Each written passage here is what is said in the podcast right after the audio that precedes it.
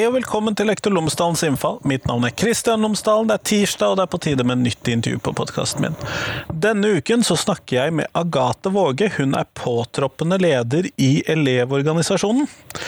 Dette er ikke første gangen du møter Agathe Våge på podkasten min. Jeg intervjuet henne som en av de første intervjuobjektene til denne podkasten.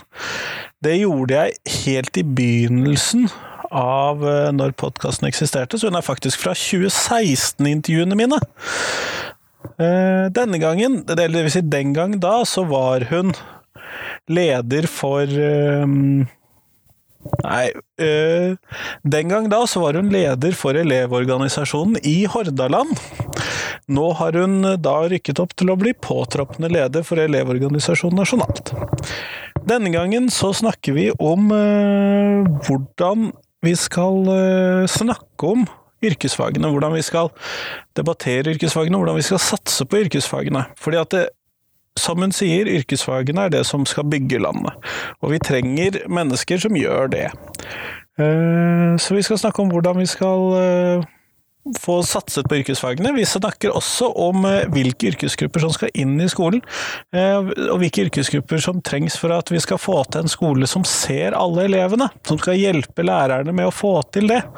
Sånn at vi skal rett og slett se på hva Elevorganisasjonen synes om hva vi skal ha som fremtidens skole. Det er tema for dagens podkast. Her kommer intervjuet.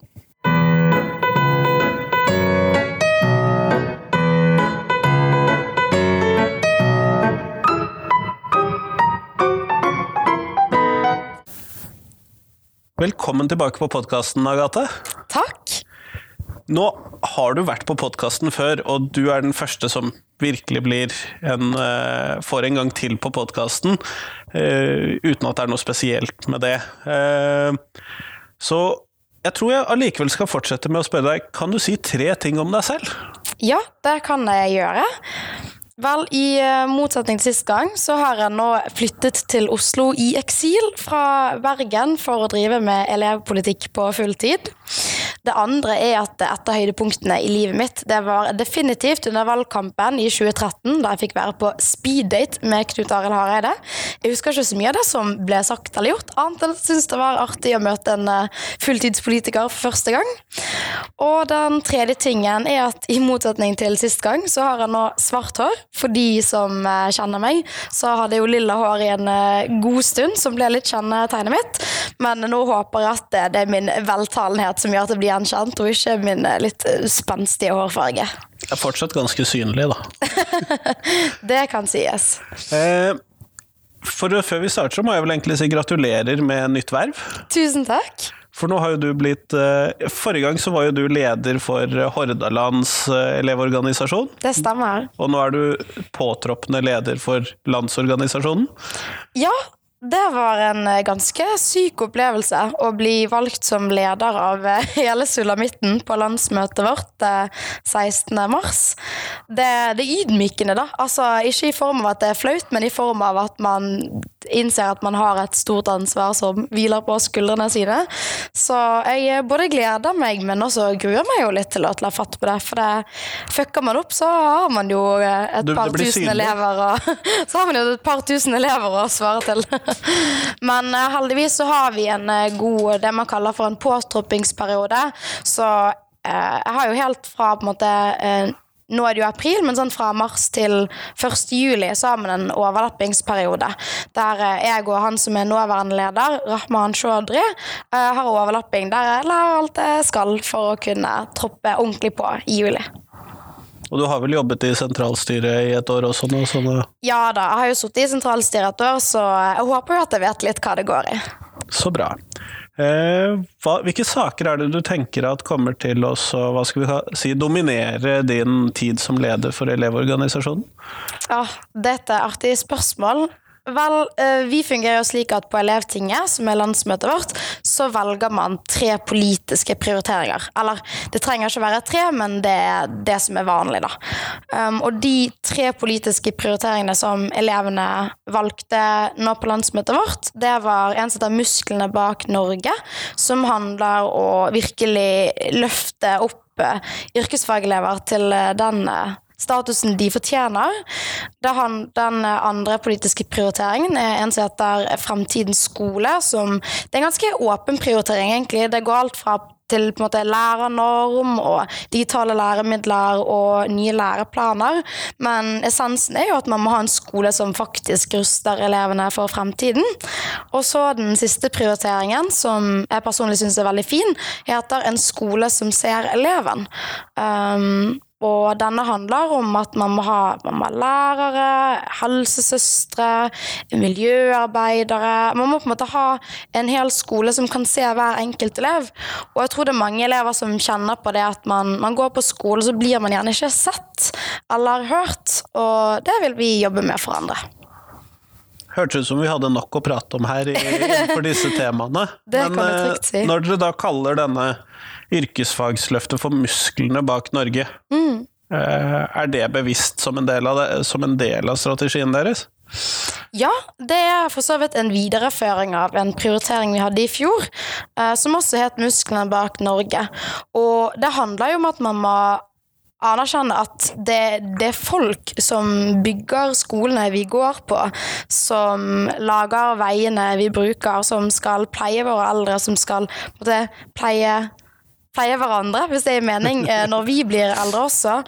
Og vi har jo merket de siste fem, i alle fall fem årene, at mange, mange yrkesfagelever føler seg, eh, føler seg ikke tatt på alvor. Det er akkurat som at det er mer status å gå studieforberedende linjer enn det å ta uh, yrkesfaglige fag.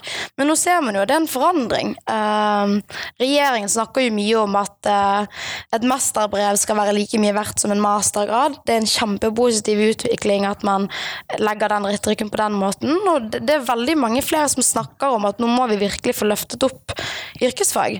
Og det var vel NHO, NHO, som beregnet at innen 2030 kommer vi til å mangle 30 000 fagarbeidere eller noe sånt. Nå har jeg ikke sett en oppdatering av de tallene, men det er ganske sykt å høre, da. Vi har så mange som tar akademiske utdanninger, og det er viktig med akademiske utdanninger, det er ikke det, men når man ser at man trenger så mange fagarbeidere i arbeidslivet, så må man jo legge til rette for at folk velger det. Ja, jeg ser den. Uh, og i, særlig i de store byene så er det jo en mangel på søkere til de yrkesfaglige linjene. Det ser jo ikke ut som man ønsker å bli det hvis man bor i by. Ja, og det, det er jo merkelig. Men, men, på den annen side kanskje det ikke er så merkelig likevel. Fordi noe som er ganske sykt, er at skolen skal jo være gratis. Gratisprinsippet er på en måte noe det man sier er en av de viktigste verdiene med den norske skolen. Men likevel så må yrkesfagelever betale gjerne flere tusen kroner av egen lomme etter de har brukt opp stipendet sitt for utstyr. Um, det var en undersøkelse som viste at bygg- og anleggselever må betale eh, det er vel rundt 5000 kroner av egen lomme, eh, ish, da, for å ta utdanningen sin. Og det er ganske absurd, for det gjør jo at da blir det ikke for alle å kunne bli fagarbeider. Så noe av det vi prøver å jobbe med nå, er jo i alle fall å omfordele stipendordningen eh, og lage en god kartlegging, for det er jo det som er problemet også. Man vet egentlig ikke helt hva ståa er ute med stipend, fordi det er så enten dårlige eller gamle undersøkelser på hva elever får i stipend, og hva de faktisk trenger stikke fingeren litt i luften og så bare gjette på beløpet de trenger til på stipend. Mm. Men heldigvis, eh, i Jeløya Jeløya? Jeg vet ikke hvordan du uttaler det. Jeløya? Jeløya-erklæringen. Jeg, jeg snakker ikke østfoldsk, så jeg er Nei. litt usikker. Jeløya. Vi sier i Jeløya-erklæringen så står det i alle fall at man skal eh, kartlegge forholdene for stipend og se om man må på en måte omfordele eller eh, styrke stipendordningen. Og det er jo bra. Så nå håper jeg bare at regjeringen faktisk gjør noe med det. Men de har i hvert fall vi... lovet å gjøre det. Det er et steg ja. på veien. De har lovet å gjøre det, og så skal vi prøve å være en uh, ordentlig vaktbikkje som sier ja hvis de ikke gjør det. Men denne skolen som skal se elevene mm. uh, du nevnte noe om flere yrkesgrupper inn, men hvordan tenker du at vi skal få til dette i praksis? Fordi vi har jo i utgangspunktet egentlig lovet å se eleven allerede. Ja, det er sant. Det er jo en veldig, eh, det man vil si, sammensatt problemstilling. Men jeg tror mye handler om uh, først det å anerkjenne at det er mange elever som føler at de ikke blir sett. Altså, hva er det man sier? Det første uh, man må gjøre for å løse et problem, er å anerkjenne at det, at det eksisterer. sant? Og så må man jo følge opp lærernormen nå. Det blir jo veldig spennende å se hvordan uh, den blir innført. Nå var det jo snakk om rett før påske at eh, Jan Tore Sanner vil fase inn den lærernormen i løpet av fire år. Istedenfor to år? Sånn Ja, det kan man jo reagere på. Um, vi er jo veldig redd for at det skal bli en hvilepute. At det kan bli en litt sånn selvoppfyllende profeti. Da, at man ja hva man si, setter litt kjappere i hjulene da, ved at man bruker litt lang tid på å innføre lærernormen, og kanskje man gjør det litt sånn halvveis. Sånn at man. Ja, sånn at man i etterkant kan si ja ja, vi har alltid vært imot denne lærernormen, og nå ser dere hvorfor, fordi den ikke funker. Men vi håper jo at det kommer til å gå fint, fint. Jeg tror mye handler om å få inn flere, flere lærere. Det er jo lærerne selv som har vært den største forkjemperen i denne saken her. Eh, det kan jo kanskje du snakke litt mer om òg, siden Ja, jeg kunne godt tenke meg mindre klasser. Det er ingen tvil om at det er hyggeligere å ha 16-15 elever som jeg har på yrkesfag, og 32 som jeg har på studiespesialiserende. Jeg vet hvilken klassestørrelse jeg foretrekker, i hvert fall. Absolutt. Og jeg kan jo si av personlig erfaring at fra da jeg gikk på videregående, så gikk jeg studieforberedende linje med formgivningsfag. Og i den delen av klassen som var formgivningsfag, så var det vel kanskje maks 15 elever. Og det var jo helt sinnssykt stor forskjell det var fra det kontra i norsktimene der vi var 31 elever, hvor læreren kom på til å følge opp prosjektene dine og se deg, rett og slett. Og det er jo ikke rakettforskning at når man har færre elever i en klasse, så er det lettere å følge hver enkelt opp. Altså det er jo Rent matematisk sett også får du jo mer tid til hver elev. Men det tar meg også videre til en annen ting, og det er jo nettopp det å ha tid til elevene. Eh, Det er jo mange lærere som snakker om at det er så grådig mye man skal gjøre på skolen. Om det er Ja, det er i alle fall særlig når man tenker på læreplanet. Det er så mye fag man skal gå gjennom, og elever får jo hjemmelekser i oppgaver fordi man ikke har rukket å gå gjennom det på skolen. Altså, Det er jo ikke rart at man ikke føler seg sett når man må jobbe og jobbe og jobbe og ikke få tid til å følge opp hver enkelt elev. Ja, men da er det jo grusomme vanskelige spørsmålet hva i skal ut av eh, læreplanene, fordi at det er jo jeg skal se på mine fag og si eh, nei, vi må ha det, og så må vi ha det. Absolutt. Du kan glemme å ta ut det. Vi skal ha det. Det er jo det store spørsmålet, og nå skal jeg jo ikke gi en fasit her, for det er jo eh, kjempevanskelig å finne ut eh, hva som skal ut, men jeg tror kanskje man må snu litt på det. Um, Istedenfor å tenke hva skal ut, må vi tenke på hva er det vi skal ha inn med det første. At man kanskje starter litt from scratch, da. Fordi mange, mange av læreplanene bærer jo preg av at de er eldgamle, at det kanskje er kompetansemål som har blitt videreført siden skolens opprinnelse, omtrent. Det trenger ikke nødvendigvis være noe negativt, men jeg tror det er viktig å se fremover istedenfor å se eh, bakover. Vi må finne ut ok, hva er det fremtidens borgere trenger å kunne for å kunne møte fremtidens store utfordringer. Altså, det er jo hva skal man si, min generasjon som skal være med på å løse klimakrisen. Og eh, vi ser jo alle, vi merker allerede på kroppen at eh, ting skjer, at eh, været er litt annerledes enn det var før. Det kommer til å bli mye mer krig og konflikt i fremtiden pga. Eh, klimaendringer, eh, sult og katastrofer. Og da må vi ha et samfunn som er rustet til å møte de utfordringene. Og det har vi dessverre ikke i dag.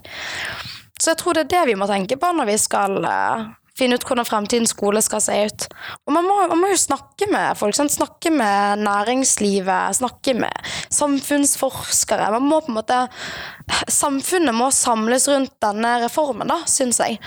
Eh, Man kan ikke bare legge ansvaret på lærere eller pedagoger eller politikere i å lage de nye læreplanene. Det er vi som samfunn som må stå sammen om det, for det er jo vi som samfunn som kommer til å bære konsekvensene av det. Eh, Hva tenker du om prosessen med fagfornyelsen foreløpig? Jeg regner med at du har vært og tittet på den? Ja, eh, nå er jo vi der at eh, kjerneelementene presenteres og er litt ute på høring og sånn. Først og fremst er det jo kanskje litt vanskelig for folk å skjønne hva som skjer med fagfornyelsen, siden ting skal jo gå veldig fort. De nye læreplanene skal jo eh, blitt implementert innen skoleåret 2020-2021, stemmer ikke det? Jo, jo, men da har vi flere år. Dette går jo bra. uh, ja, så det vi gjør, i alle fall, fra Elevorganisasjonen sin side, at vi sitter i Vi har sittet i referansegruppen for kjerneelementene sammen med Steffen Handal og kunnskapsministeren og eh, mange andre fra liksom, hva skal man si, eh, de mest profilerte folkene i skolesektoren. da. Så der har vi jo fått mulighet til å påvirke ting. Så uh, får vi jo se nå som man skal sette ned de konkrete læreplangruppene, da. Hvordan det blir da. Jeg tror Problemet der er at sånn, vi skulle jo hypotetisk sett ønske at det var mulig å få inn så mange elever som mulig i de gruppene.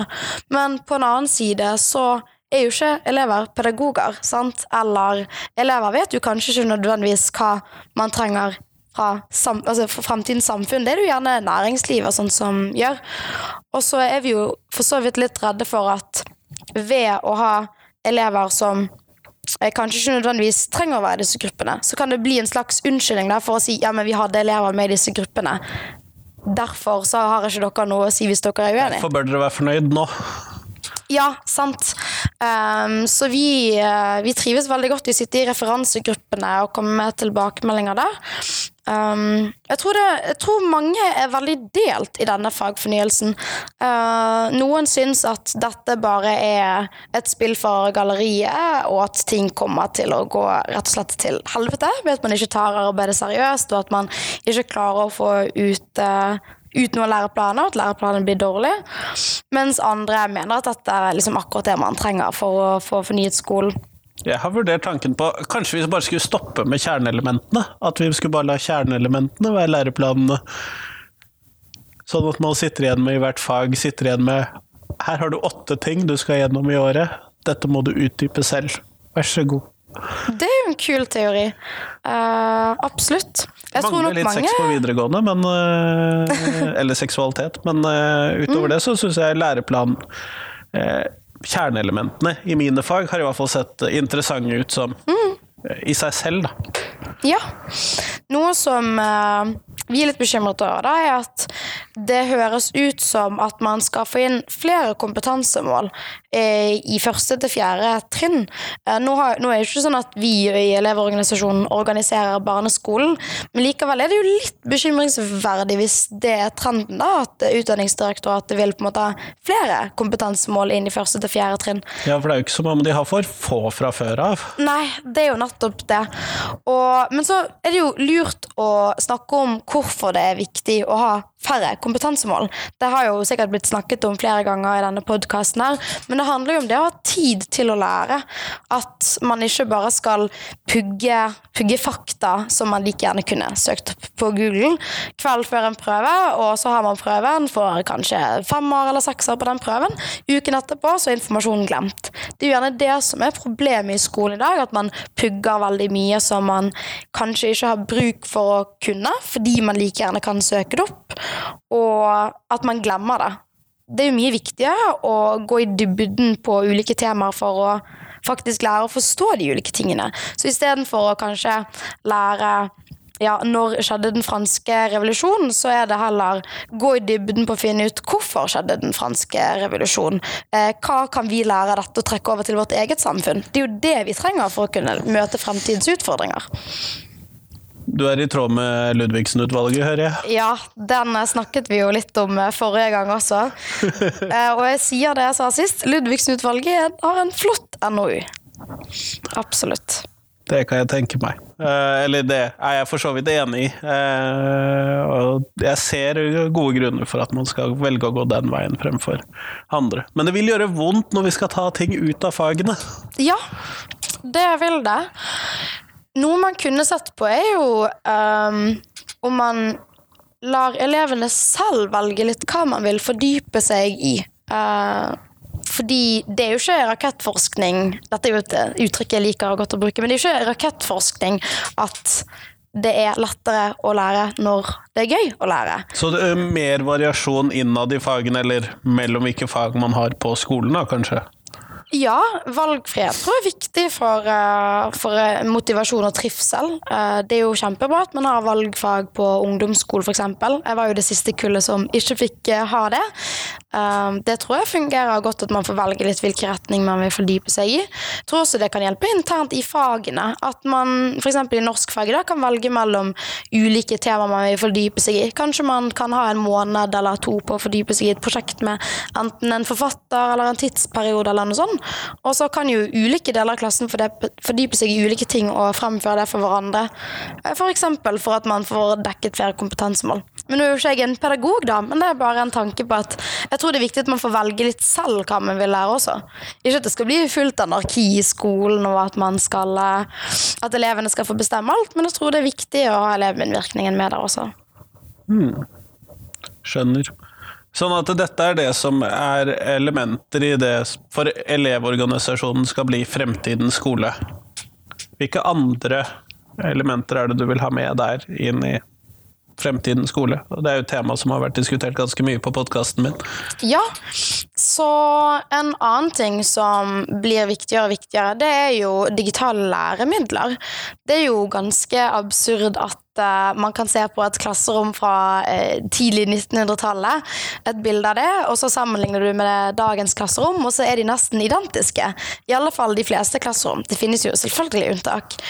Og jeg tror det er et litt sånn sykt bilde å ha for seg da, hvis du da ser på bildet av eh, en by for 100 år siden, eller en bil for 100 år siden, sammenlignet med deg. For det samfunnet har jo spurtet inn i framtiden, mens skolen har stått bom stille. Og jeg tror at en måte man også kan ta skolen inn i fremtiden, er å se på gode digitale læremidler. Og så er det mange som tenker på eh, iPader eller datamaskiner inne i skolen eller smartboards. Basically eh, tavle som er digitalt istedenfor med kritt. Og ting som det Folk tror gjerne at det er digitalisering av skolen. Der er jeg uenig. Man har jo sett f.eks. Kahoot er jo et godt eksempel på et artig eh, digitalt læremiddel som gjør det gøyere og kanskje til og med lettere å lære.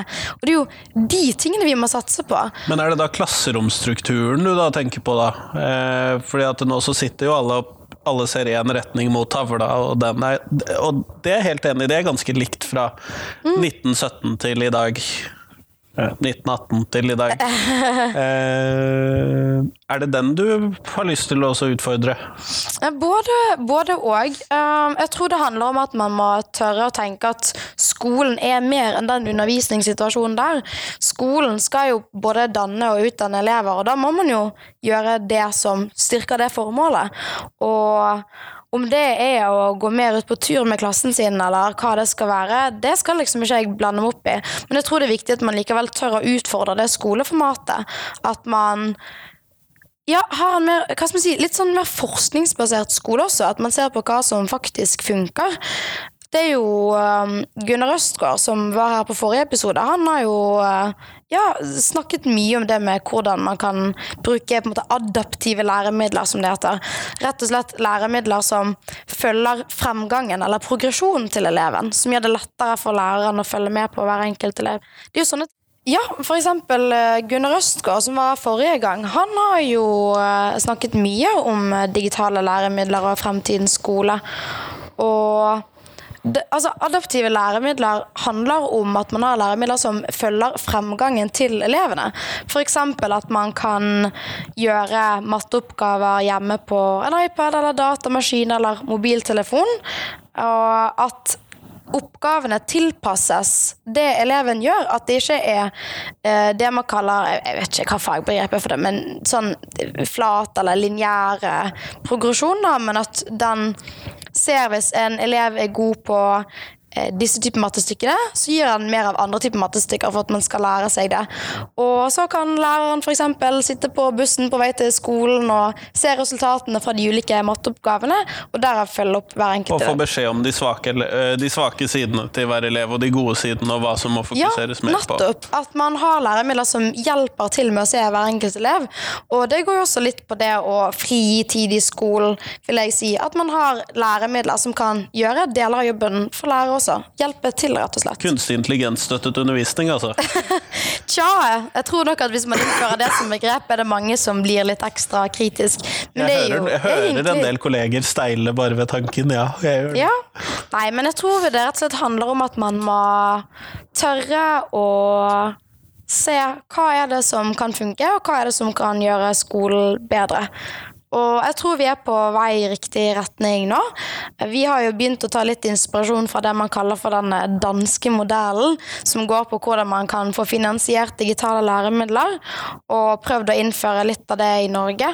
Um, og den danske modellen går vel ut på at Nå kan jeg ikke helt detaljene her, men at skoler kan det er vel noe med at hvis de investerer penger eh, på digitale læremidler, så får de fritak fra noe avgifter eller altså, De får rett og slett økonomiske fordeler da, ved å investere i digitale læremidler. Og det er jo positivt. Så nå også har vi jo fått på plass et eh, fond i Norge på det var vel 50 millioner kroner eller noe sånt, som uh, går på at man skal få investere i flere digitale læremidler. Sånn at man kan få flere og kanskje kulere versjoner av Kahoot. da. Og ikke bare elektroniske bøker og tavler som har fått strøm? Absolutt. Da, vi, må, vi må klare å se at digitalisering av skolen er mer enn bare elektroniske tavler. Hmm. Det hørtes ut som et godt slagord. Ja, det kan vi sikkert bruke på et Facebook-card på sosiale medier eller noe sånt. Flott. Eh, nå når vi går mot slutten, så har jeg lyst til å stille deg det samme spørsmålet som jeg stilte deg forrige gang. Mm. Og hvis du hadde vært norsk skolediktator denne gangen, hva ville du startet med å fokusere på i dag? Jeg ville startet med å gjøre undervisningen mer elevrettet, og at man kan tørre å diskutere de litt større spørsmålene i skolen også. Når man snakker med ungdom i dag og spør de hva er den største utfordringen ungdom møter i dag, eh, og jeg har stilt mange på min alder det spørsmålet, så sier alle at det største problemet er at det er så mye press fra alle kanter. Om det er skjønnhetspress eller karakterpress eller hva det skal være, så er det mange ungdom som møter press. Og dette er sånne store spørsmål som det er viktig at vi kan snakke om i skolen. Så rett og slett å åpne for at man får mer tid til sånne ting som det, er nok det første jeg ville gjort. Og så ville jeg egentlig gjennomført de politiske prioriteringene. Nå er det, det er ganske det... greit når man har de liggende. ja, det er jo absolutt det. Og det er rett og slett fordi at dette er jo det elevene selv har sagt er det viktigste for de. Det er å ha, elev, det er å ha lærere, pedagoger, helsesøstre miljøarbeidere. Ja, ha mennesker rundt dem som ser dem og hjelper dem. Fordi da lærer man jo så mye som mulig. Og det er også viktig å tenke på, da. At vi som lille Norge med litt over fem millioner innbyggere, vi skal jo konkurrere mot eh, andre land på ja, produkter og alskens greier for å på en måte kunne gjøre det godt som land. Og da må vi jo ha smarte folk. Og for å ha smarte folk så må man jo ha det bra på skolen og lære så mye som mulig på skolen. Og for å kunne lære så mye som mulig på skolen, er det jo et premiss at man har det godt, og at man blir sett. Kjempeflott. Takk for at du kom og pratet med meg i dag. Jo, det har vært veldig hyggelig å være her, som alltid.